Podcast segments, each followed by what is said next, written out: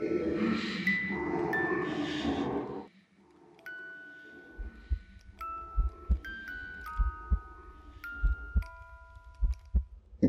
krasnoludów.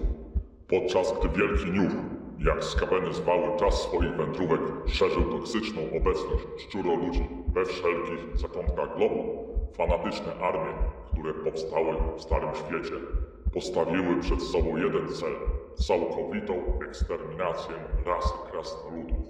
Razem z zielonoskórymi, odwiecznymi wrogami krasnoludów utworzyły przeklęty sojusz, by spełnić swój cel.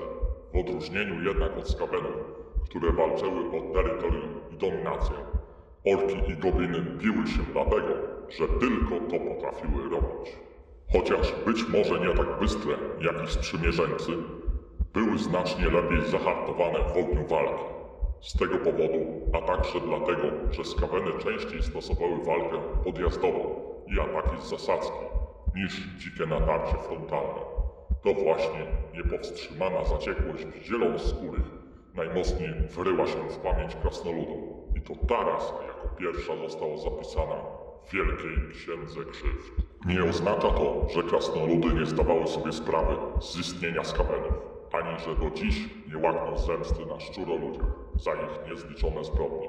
W istocie bez pomocy skawenów armie zielonoskórych nigdy nie wniknęłyby do głęboko ukrytych twierdz Karak Angor. Skaweńscy saperzy byli także odpowiedzialni za zalanie Karak War rok wcześniej i krasnoludy nadal opowiadają o ohydnym widoku, który ukazał się potem ich oczom, gdy szczuroludzie ucztowali na wydętych ciałach ich potopionych towarzyszy. Po tych wczesnych zwycięstwach połączone siły skawenów zielonoskórych zaatakowały południowe góry z obu stron i powoli zepchnęły krasnoludy w kierunku północy. Góry Smoczego Grzbietu wkrótce zostały opuszczone, a wszystkie twierdze na południe od nich zostały utracone. Krasnoludy nie zaprzestały walki i toczyły ją przez całe wieki, na przemian tracąc i odzyskują część obszarów swojego prastarego imperium. Jednak zdobycze ich wrogów stale rosły.